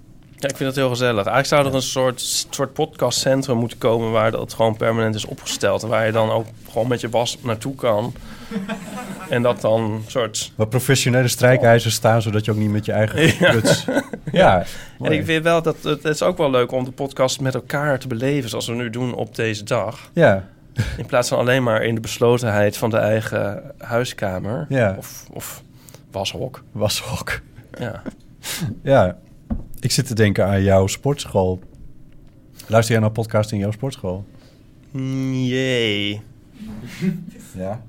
Nou, heel zo, nou, liefst sport ik zonder telefoon. Maar soms ga ik op het einde dan een stuk rennen en dan haal ik wel mijn telefoon erbij. En dan ga ik soms naar een podcast luisteren. En welke dan? Ja. Ja, naar ons. Onder media, naar ons oh, toch? Omdat het altijd van jou moet. Onder mediadoktoren Nou, natuurlijk. Nee, ja, die natuurlijk. Ja, je ziet. eh, oh nee, maar het is ja geeky dingen natuurlijk. Nee, Sydney is binnenkomen lopen. Mocht het wel van Linda? Oh, ja. Ja, nee, maar ik weet niet. Ik weet niet of sport het beste moment is. Ik vind het fijn om bij het opruimen van het huis. Oh ja, ja. Dat ja, vind ik wel echt heel lekker. En dan, dan zo rond te lopen en dan zo van dan iets dat in de keuken ligt, dat maar dat in de slaapkamer hoort, om dan daarmee door het huis te lopen. Als je nog één niks luistert, dan word je helemaal gek. Ben je toch snel drie minuten verder in jullie huis. Dus, Ja, maar dit terzijde. ja. Eh, dat terzijde, om wat eh, Karen eh, zei inderdaad. Ehm, dan hadden we nog... Even kijken hoor. Hebben we een levensvraag of zo? Nou, nog... ja, misschien een beetje, maar laten we even nog naar Nancy, want dat sluit nog een beetje op Utrecht aan. Hallo, Botte en Ipe. Met Nancy spreken jullie uit Utrecht. Hoi, nou, ik heb echt met veel plezier geluisterd naar jullie Utrecht-ervaring. Toen ik vanavond zelf in Amsterdam was. Dus dat was wel een grappige. Ehm, ja, echt superleuk. Jullie hadden echt volgens mij de grootste lol met z'n in Utrecht onderweg. En ehm, ik vond het echt zo leuk om jullie luchtige soort van uitjes, lol, alsof je op een soort schoolreisje was, eh, mee te maken. Eh, ja, ik luister heel vaak naar jullie, maar nu komen ze zo dichtbij in mijn stad. En dan noemen jullie ook nog eh, het kunstwerk van een goede vriend van mij, Luc Roel, de Planetenroute. Ja, die is inderdaad geweldig. En ik vond het heel erg leuk dat jullie ook kennen en, en er enthousiast over zijn. Ehm, ja, en, eh, en, en ik zat mee te denken over die viltwinkeltjes van Paulien. ja, ik kan me voorstellen dat het die pop-up stores zijn die je soms hebt. Ik bedoel, ze zitten ook wel eens in de Twijnstraat. Eh, ik woonde daar zelf vijf jaar geleden ook in de buurt. En ehm, ja, toen zat er bijvoorbeeld zo'n winkeltje eh, die sjaals verkocht van oma's. Die dan sjaals breien en daar dan kaartjes aan hangen. Met, ja, ja, zo van deze sjaal is van oma Koosje. Groetjes van oma Beb of zo. Dat soort, dat soort dingen. En daar zit ook een kiltwinkel. Dus Kilt. niet helemaal field, maar kilt. Nou, wie weet uh, was dat wat Tony bedoelde. Oké, ik blijf lekker luisteren. Ga ze door. Superleuk. Doei. Er, er was nog een beetje een uh, appendix, ze belde nog een keertje terug. Hey, Botte en Ipe, met Nancy nog een keer. Jawel, nou, um, als je nou mijn, uh, wat ik gisteren zei over het winkeltje van Paulien, Ziltwinkeltje, um, vervangt wanneer ik kilt zei voor kwilt, dan klopt het. Juist. Dat even echt. Oh, zijn ja. nou geen Schotse kilten. Geen Schotse kilten. Maar kwilten. Juist. Dat is een kwiltenwinkeltje. Oké, dag. Dat is echt zo van als je een woord heel, heel vaak achter elkaar uitspreekt, dan wordt het heel grappig. Ja, kwilten. Kwilten. Ja, het punt is dat ik wel weet wat een kilt is, maar een quilt, dat weet ik dan weer niet. Ja, dat is toch van... Uh, ik weet niet waarom ik nou naar Cecile kijk. Maar dat is toch van... Uh, dat je zo'n soort patchwork met allemaal lapjes. Ja. Ja? Okay. Ja. ja. Ja, dat deed uh, Tante Ria, onze overbuurvrouw, altijd. In Utrecht. Nee, dit, maar, maar, dit, maar die straat die genoemd bent, ik heb het even niet opgeschreven. Twijnstraat. Nee, geschreven. Da, maar daar hadden we dus naartoe gemoeten, wilden we dat. Ja, ja, goed, waarom wilden we dat ook? Maar goed. Uh, ja, dus zijn we, hadden we, zijn we dus langs, parallel aan wel langs gelopen. Juist, we zaten goed in de goede hoek. Ja. Dus je zat goed. Mooi. Leuk. Nou, tot zover Utrecht. Ja, en, en Luc Rowell heet dus dan die kunstenaar van die planeetroute. Die ja. kunnen we nog steeds warm aanbevelen. Ja. Verder hadden we nog een uh, eeuwenfoonberichtje van Ron. Hey, dag uh, Botte, dag Ipe en dag uh, waarschijnlijk ook Paulien. Uh, ik ben Ron Vergouwen, groot fan van jullie podcast. luister al een hele tijd, ook al voordat jullie de prijs wonnen. Nog gefeliciteerd trouwens. Um, mijn vraag gaat eigenlijk over Wikipedia. afgelopen week overleed, zoals jullie misschien wel weten, Anneke Kreunlo. En op dat moment kwam ik binnen en toen dacht ik van, oh ja, wat heeft die vrouw ook alweer allemaal gedaan? Dus toen ging ik gelijk naar haar Wikipedia-pagina, want dat is de, de meest snelle optie natuurlijk. Um, en het viel mij op dat gelijk al, het, het nieuws van haar overlijden was, net één minuut bekend, dat gelijk al was aangepast op haar Wikipedia-pagina. Nou, dat gebeurt heel vaak, uh, zie ik, als mensen overlijden. Dan sta ik altijd van te kijken, hoe kan dat nou? Maar mijn vraag is eigenlijk deze. Um, ik zit ook wel te denken, is het handig om voor mezelf een Wikipedia-pagina te maken met de dingen die ik allemaal gedaan heb? Um, alleen, is dat stom of is dat niet stom? Want aan de ene kant, uh, ja, je weet zelf het beste wat je allemaal gedaan hebt. Dus uh, dat is misschien beter dan dat iemand anders het doet, dat er geen onzin op komt. Aan de andere kant, ja, kun je wel objectief zijn over jezelf. Dus is het wel juist wel handig dat je het zelf doet, of juist niet? Mm, nou ja, dat is de vraag. Uh, ik zou zeggen, ga er lekker mee aan de slag. Succes met de podcast en uh, doei. Ja, we uh, gaan er lekker mee aan de slag. Nou, we gaan er lekker mee aan de slag. Ron Vergouwen is trouwens um, een stem die ook bekend is van Radio 1.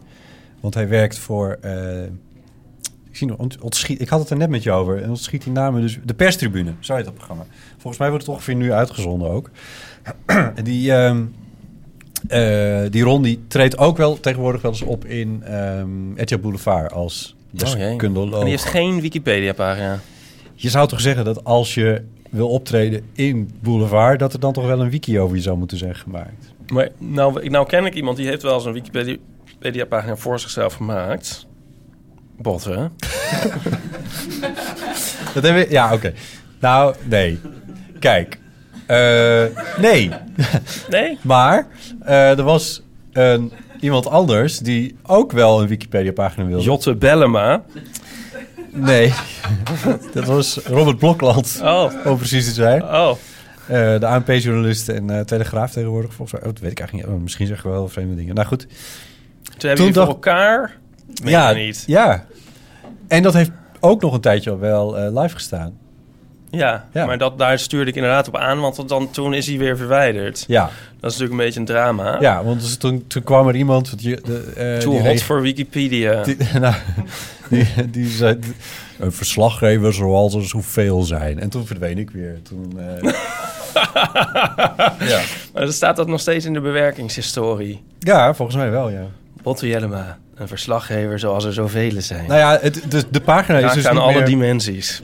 De pagina is er niet meer. Nee, Dus ik weet maar die kan nu misschien weer terug. Nu, nu, nu wij zo, zo zulke volle zalen trekken. Gaan wij, gaan wij, want we hebben hier meer over te vertellen. Gaan we dat echt vertellen? Dat er nu een Wikipedia-pagina van de Eeuw van de Amateur is. Ja. Dat hebben we volgens mij al verteld. Ja? Ja. Oh. Toch de vorige keer? Nou, dat weet ik niet. Maar die is er in ieder geval. Maar die hebben, hebben wij niet zelf gemaakt. We hebben misschien wel een soort van re- sturende hand in gehad. Maar daar zijn dus wel mensen allemaal dingen aan toe gaan voegen. Ja. Van, eh, wat ook alweer, Nico? Spreek maar even in de microfoon. De rubrieken zijn allemaal toegevoegd? Ja. Nou, dat. Oh, de rubriek is er toe. Oh, Oh, ja. wat leuk, ja. Ja. En dat het heel leuk was? Heeft iemand het er ook bij geschreven? Nee. Oh. Ja, maar dat dus- is niet des Wikipedia's dat het heel leuk is. Nee. Dat staat er niet bij. Maar je moet dus oppassen met het maken van je eigen Wikipedia-pagina. Ja, ja, ja. Dus dat is advies aan Ron. Want voor je het weet is het zo... Ja, een, eh, zo'n RTL Boulevard sterretje zoals er zoveel zijn. Ja. En dan word je er weer afgegooid. Kijk, hij snijdt natuurlijk wel een paar interessante onderwerpen aan. De eerste, hij vraagt of het stom of niet stom is. Maar waar, je het uiteindelijk, waar hij het over heeft is... als ik kom te overlijden, wat wordt er dan gecheckt? Dat is waar hij het over had. Het is natuurlijk wel heel sneu als je overlijdt... en iemand gaat op Wikipedia kijken van... is het, is het waar of zo? Ja. Of zou het al op Wikipedia staan? Oh, hij heeft geen Wikipedia. Ja, of zoiets. Ja, dus dat is ook... Hoe zeg je dat? Maar hij is nog jong. Ja, Ron is van onze leeftijd volgens mij. Dus dat... dat- Het is natuurlijk wel enorm... Whatever that may be. Ja? Nee, ja, het is een soort ge- gekke ijdelheid. Ja, maar, maar hij is... Kijk, dat, ja, maar als we dat nou even eh tezijde schuiven... dat- Ik bedoel niet zozeer van hem, hè, maar in het algemeen Nee, ja, om een dat- voor mij was het Wikipedia-pagina te willen. Ja, dat is natuurlijk wel zo. Alleen... Ja, niets ijdels is mij vreemd, maar... Nee.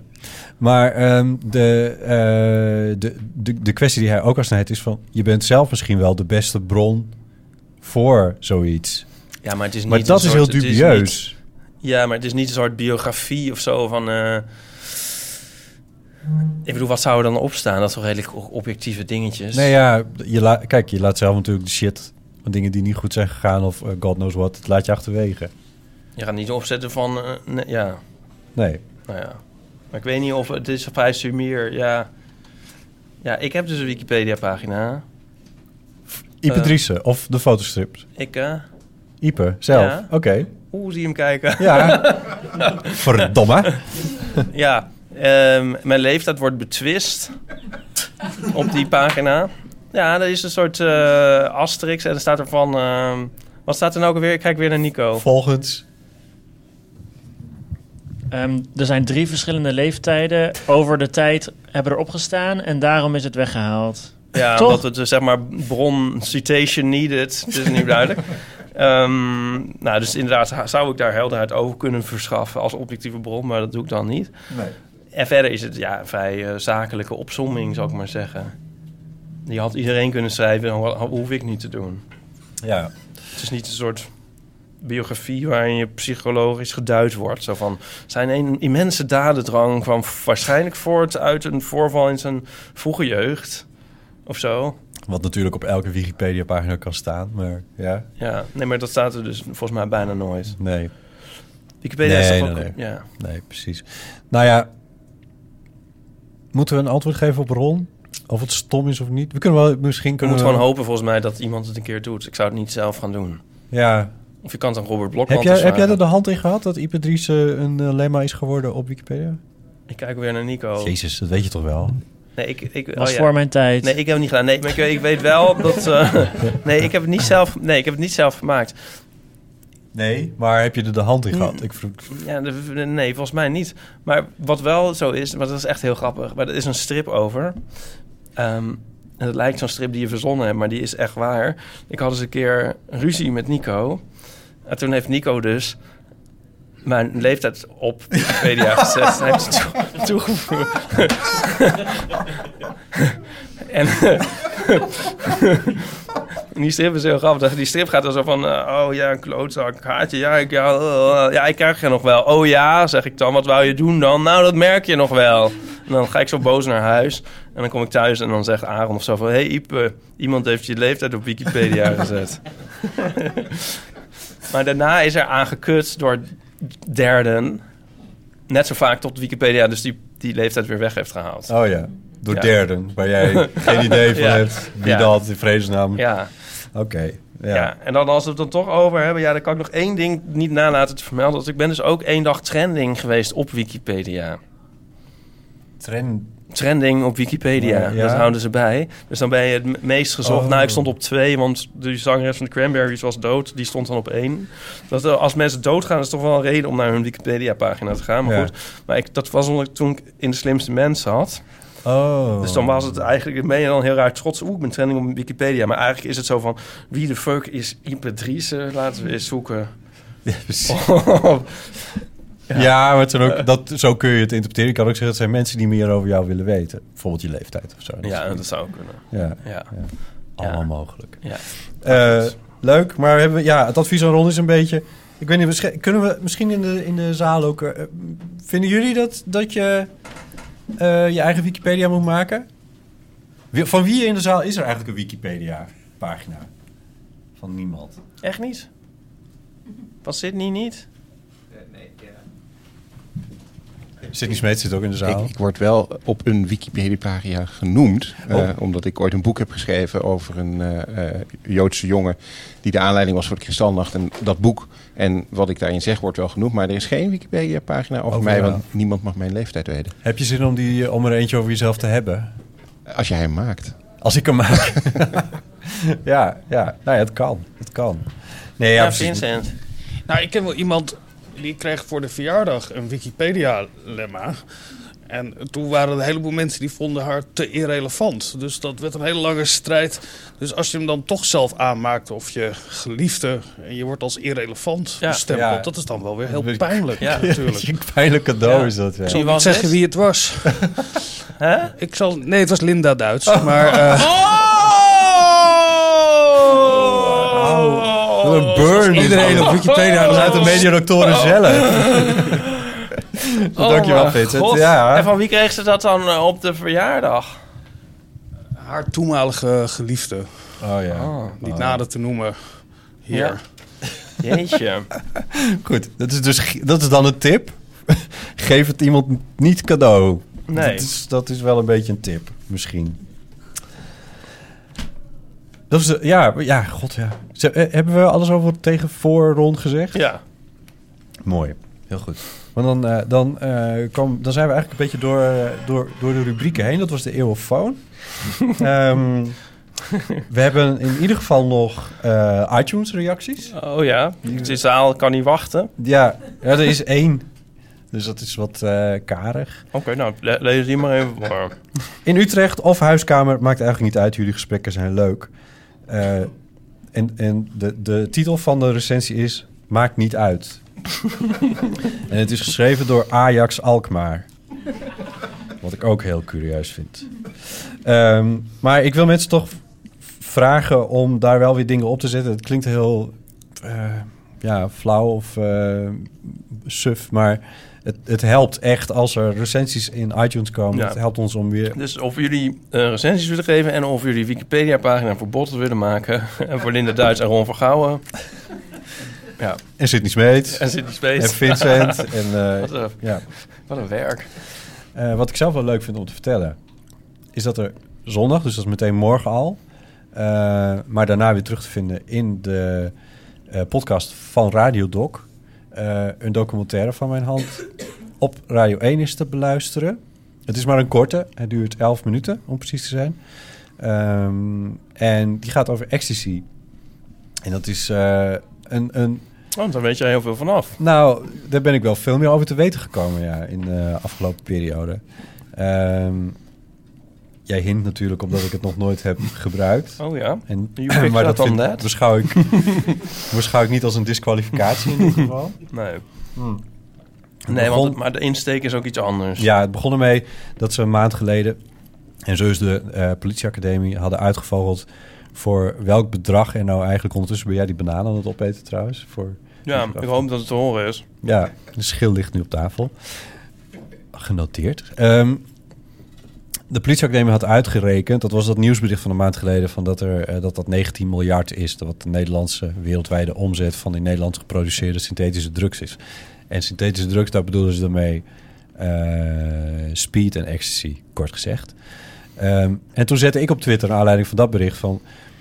ehm, omdat er namelijk ik dacht, daar komt. Wat, wat moet de hoeveelheid afval zijn die daarbij wordt geproduceerd? En die wordt niet netjes afgevoerd. Die wordt in onze natuur gedumpt. Eh, en, en wat dies meer zei. Eh, en dat zet ik op Twitter. en daar werd een beetje fel op gereageerd. En mensen zeiden van ja, je kan toch de, de ecstasy-gebruiker niet eh, die afvaldumpingen aanrekenen. En, en eigenlijk vond ik dat dat wel zo was. Maar toen dacht ik, hier wil ik wel even induiken. Omdat mensen ook zeiden van ja, maar als je... Als we wel even induiken, die berg afval. als, ze, als ze dat nou gaan legaliseren... Dat was op het moment mij tegenweer. Dan zijn we hier vanaf. En toen dacht ik, ja, is, als, dat zou kunnen. Het is niet gelegaliseerd. En hoe ver staan we daarvan af? Wat er moet gebeuren voordat dat het geval is? Dus daar ben ik ingedoken. En ben je nog steeds van mening dat, die, dat de gebruiker wel verantwoordelijk is voor die afvalberg? Nou, voor die hele afvalberg vind ik ver gaan, omdat ik erachter ben gekomen dat de politieacademie gaat ervan uit dat 80% van de, eh, van de productie van synthetische drugs voor de export is. Ja. Wat heel veel is. maar nu ze daar verder aan hebben zitten rekenen, komen ze misschien wel tot percentages van 90 of 92 of misschien zelfs wel 98 procent Ja. wat voor de export is. Ja. Dus het is een beetje gek om de Nederlandse ecstasy-gebruiker dan die hele eh, afvalberg aan te rekenen. Dat, dat vind ik niet helemaal oké. Aan de andere kant, ik heb bijvoorbeeld een, een vegetariër geïnterviewd die ook wel eens ecstasy gebruikt. Jij was het niet. En, ehm, en die zegt van ja, ik ben daar heel principieel in geweest met vlees eten. Ik vond dat de hele vleesindustrie, die ook veel groter is dan ik kan overzien en waar ik niet verantwoordelijk voor kan gehouden als ik één worstje eet. Ja. Eh, daar ben ik principieel in geweest door te kiezen niet meer vlees te eten. En ik vind die afvaldumpingen vind ik niet oké. Al dat afval vind ik niet oké. En hoe dat gaat met de criminaliteit die er weer achter zit en noem het allemaal maar op. Maar om het ecstasy-pilletje op te geven, dat vind ik dan heel erg moeilijk. En dat vind ik een hele interessante... Ik vind het niet zo principieel om bij het ene wel principieel te zijn en bij het andere niet. Nee, maar ik vind het dus wel heel eh, spannend om, eh, om dat te horen, die, die strijd die hij heeft. Ik denk dat, dat daar meer mensen mee zitten. Nu het... Kijk, wat er is gebeurd... Ik neem even een slokje water. Een paar jaar geleden is er een soort van nieuw recept... Dit heb ik allemaal gelezen in dat, in dat rapport van de politieacademie. Een nieuw recept gekomen voor ecstasy. Dat wil zeggen, een bepaald ingrediënt maken ze nu zelf. En dat heeft verschillende consequenties gehad. Namelijk dat de pillen zuiverder zijn geworden en dat ze meer MDMA bevatten. Eh, en het heeft ook als consequentie gehad dat er veel meer afval bij kwam kijken. Want nu ze dat ingrediënt ook zelf moesten maken, kwam daar ook afval, nieuwe afvalproductie bij kijken. Dus het is niet gek dat je nu meer leest over afvaldumpingen, dat dat de laatste jaren iets meer in het nieuws is. Omdat er gewoon veel meer, ze moeten van veel meer afval af. Ehm, wat was mijn punt nou? Ehm, dat, dus die kwestie, die principiële kwestie, die wordt wat urgenter nu. Mhm. Omdat er meer afval is. Omdat je, zo gezegd, de filmpjes die eh, wakker dier maakte in de slachterijen... die komen nu onderhand mutatis mutandis ook voor ecstasy-productie. Eh, omdat er gewoon, omdat het nu een groter, eh, grotere berg afval is.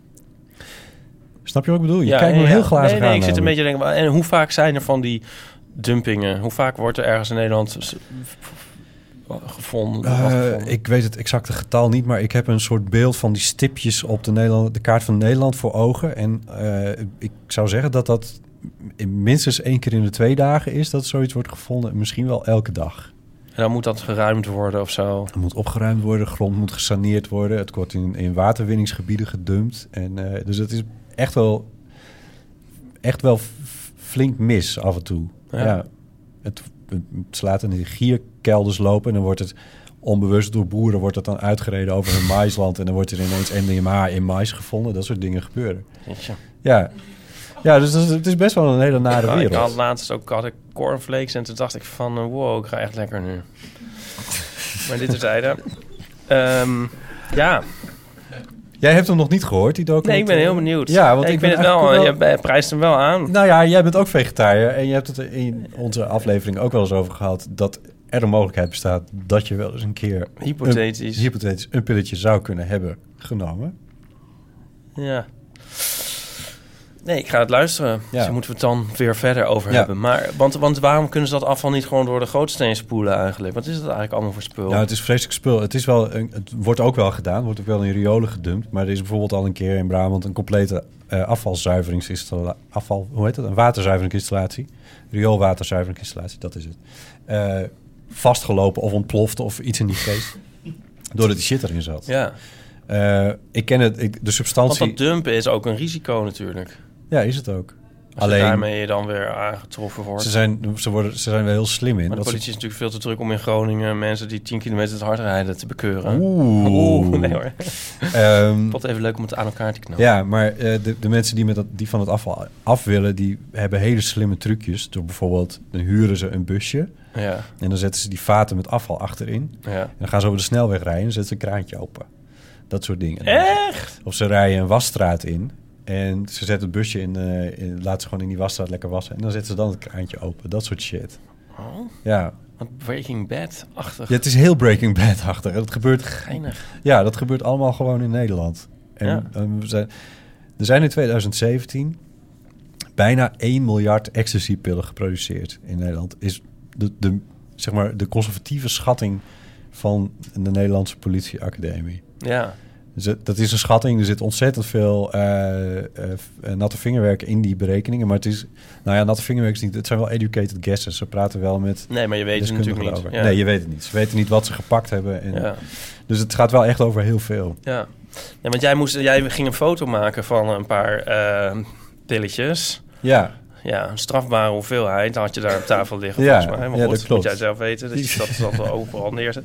Maar dan heb je zo heel veel verschillende kleurtjes en dingetjes en vormpjes en zo. Ja. Of heb ik dit ook al eens gezegd?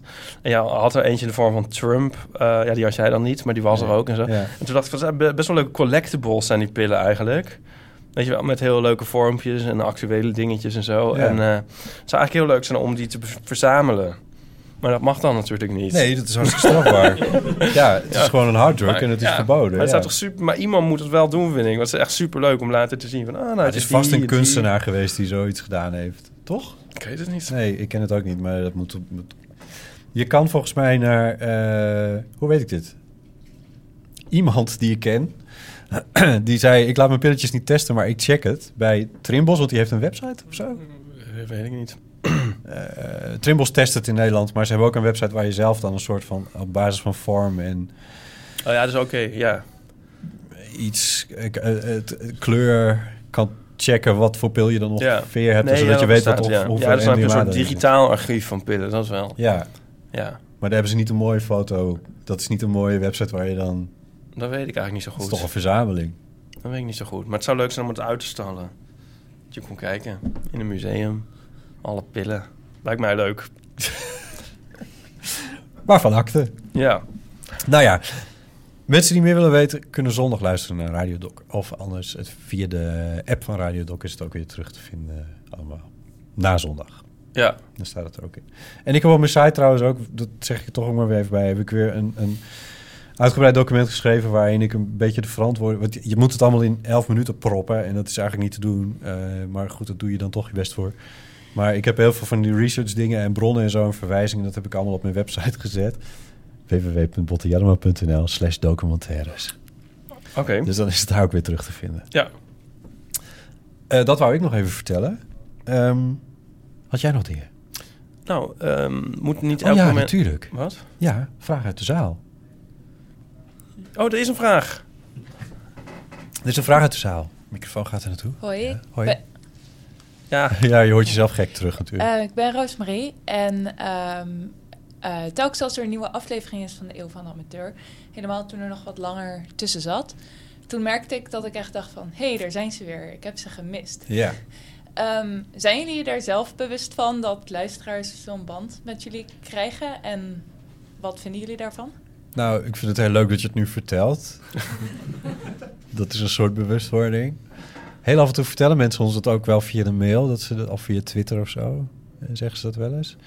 Maar eh, ja, ben ik me er in zijn algemeenheid bewust van? Dat, weet ik eigenlijk niet. Ik vind het ook nog steeds heel raar. Ik kwam hier binnen. Eh, vanochtend moest ik nog eens langsbrengen. En toen was een meisje en die herkende mijn stem. En die zei, hey, ben je Bot van Eeuwen? En dat vind ik nog steeds heel gek. Dat dat gebeurt. Wat raar is, ik ben al wel een tijd op de radio bijvoorbeeld. En daar is, dat heb ik ook al verteld. Maar goed, de- en daar gebeurt dat nooit. En in die podcastwereld is dat toch anders. En Maar op de daar- radio heb je het niet over jezelf.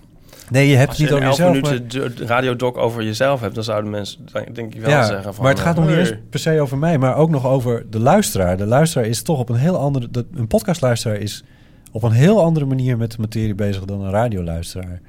Eh, de, en dat heeft natuurlijk daar ook wel weer mee te maken, denk ik. Ehm, dus die, die band is voor mij ook een beetje nieuw, maar ik vind hem wel heel leuk. Ja, En denk je dat het verandert als het podcast eh, medium steeds groter wordt? Ah. Eh, Denk jij dat? Ja. Ehm, ik denk dat, dat het medium zo intiem is, of dat die vorm zo wel intiem is, dat dat eh, minder snel gebeurt dan wanneer, dan wanneer een tv-programma heel populair Ja. wordt, bijvoorbeeld. Ja. Ja. Want wij zijn wel heel gewoon gebleven. Nou. ik werd trouwens voor de week erkend in de trein. Van de strips. Oh, Ja. je maakt ook strips. Dus ik zal het nog eens zeggen tegen de duizenden luisteraars. Ik was al opgelucht dat ik ook wist van de strips werd herkend door een jongen. Op station Hilversum. Maar die keek mij zo aan. Tenminste, die stapte in, op station Hilversum in. Ik keek me zo aan en die lachte. En ik groette hem. En ik wist niet of ik hem nou moest kennen of niet. En toen deed ik mijn koptelefoontje uit. Zo van, oh, ho- hoi. Probeerde ik een soort vragend te groeten. Ja. Zei hij, ja, hoi. En het was nog niet helemaal duidelijk. Maar langzamerhand, ja, ik ken je van je strips. Maar toen was, er al, was ik al een soort in gesprek gegaan. Dus dat had heel erg kunnen zijn als we zeg maar al, nog naar Maastricht moesten. Ja. Maar ik moest er in het sportpark al uit, dus het was maar Oh. een paar minuten. Maar dat was Oh, heel ja. gezellig. Oh, je was bang dat je, dat je voor kilometers aan hem vast zou zitten.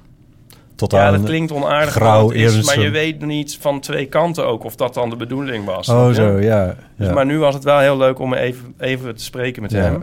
ja. Hij was acteur en ehm, hij speelde... Was hij knap? Hij werd... iedereen is natuurlijk op een bepaalde manier knap. Oh, jezus. Nou. Hij, speelde, hij speelde in... eh, ik vroeg wat, waar, waar of werk je dan of zo? En toen zei hij in Dino World Zwolle. En toen dacht ik gelijk van, zit hij dan zo in zo'n pak of zo? Ja. Maar hij was, speelde dan de verwarde professor. Oké, ja, iemand moet het doen. Ja. Ja, dus, eh, maar hij was heel erg gezellig. Maar de- ik bedoel, eigenlijk, wat is eigenlijk de pointe van dit verhaal?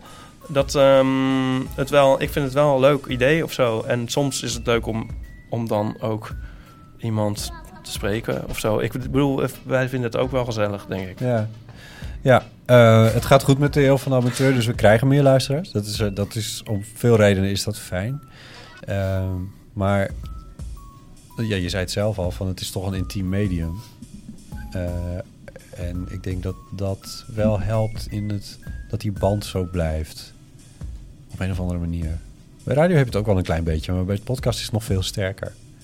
Dus ik denk, ik maak me daar eigenlijk niet zoveel zorgen over. Tot nu toe is iedereen heel lief. Dat is wel heel leuk. Ja, Doe het niet af aan de illusie om ons te zien zitten. Nee, nee, nee. Nee? Voor ons wel, om jullie te zien. Komt lieve Hereman nog binnen met een fles wijn of zo? Of eh, bloemen? Of hoe zit dat? Moeten we, eh, moeten we hier zelf ook opruimen? Of, ja, dat, ja we moeten zo, ik, ik sta zo meteen gewoon weer een kwartier kabels op te rollen. Ja, dat is, Krijgen we een overfles olijfolie of zo? Of, ik denk wat is de bedoeling? Ik, dit, het zo groot is het festival nog niet, denk Oh. ik. Ja. maar ik wil ze in ieder geval hartelijk bedanken. ja. Podcastfestival. Oh, dat wel, ja. Dat we hier te gast mogen zijn, dat is natuurlijk superleuk. Ik wil jullie in de zaal van harte bedanken... voor dat jullie eh, toch even naar ons hebben zitten luisteren. Eh, er zitten misschien ook nog mensen hiernaast, ik heb geen idee. Die ook bedankt. Die, ja, er zijn een aantal koptelefoons. Ja, en mocht dit signaal opgepikt worden door een buitenaardse beschaving... Ja, ook en bedankt. Die, ja, als Ja. ze geluisterd hebben dan. Ja, precies. Eh, Storytel bedankt.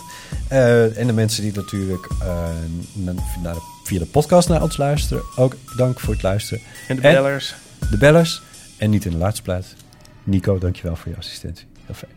Dank jullie wel. Tot ziens. Doei.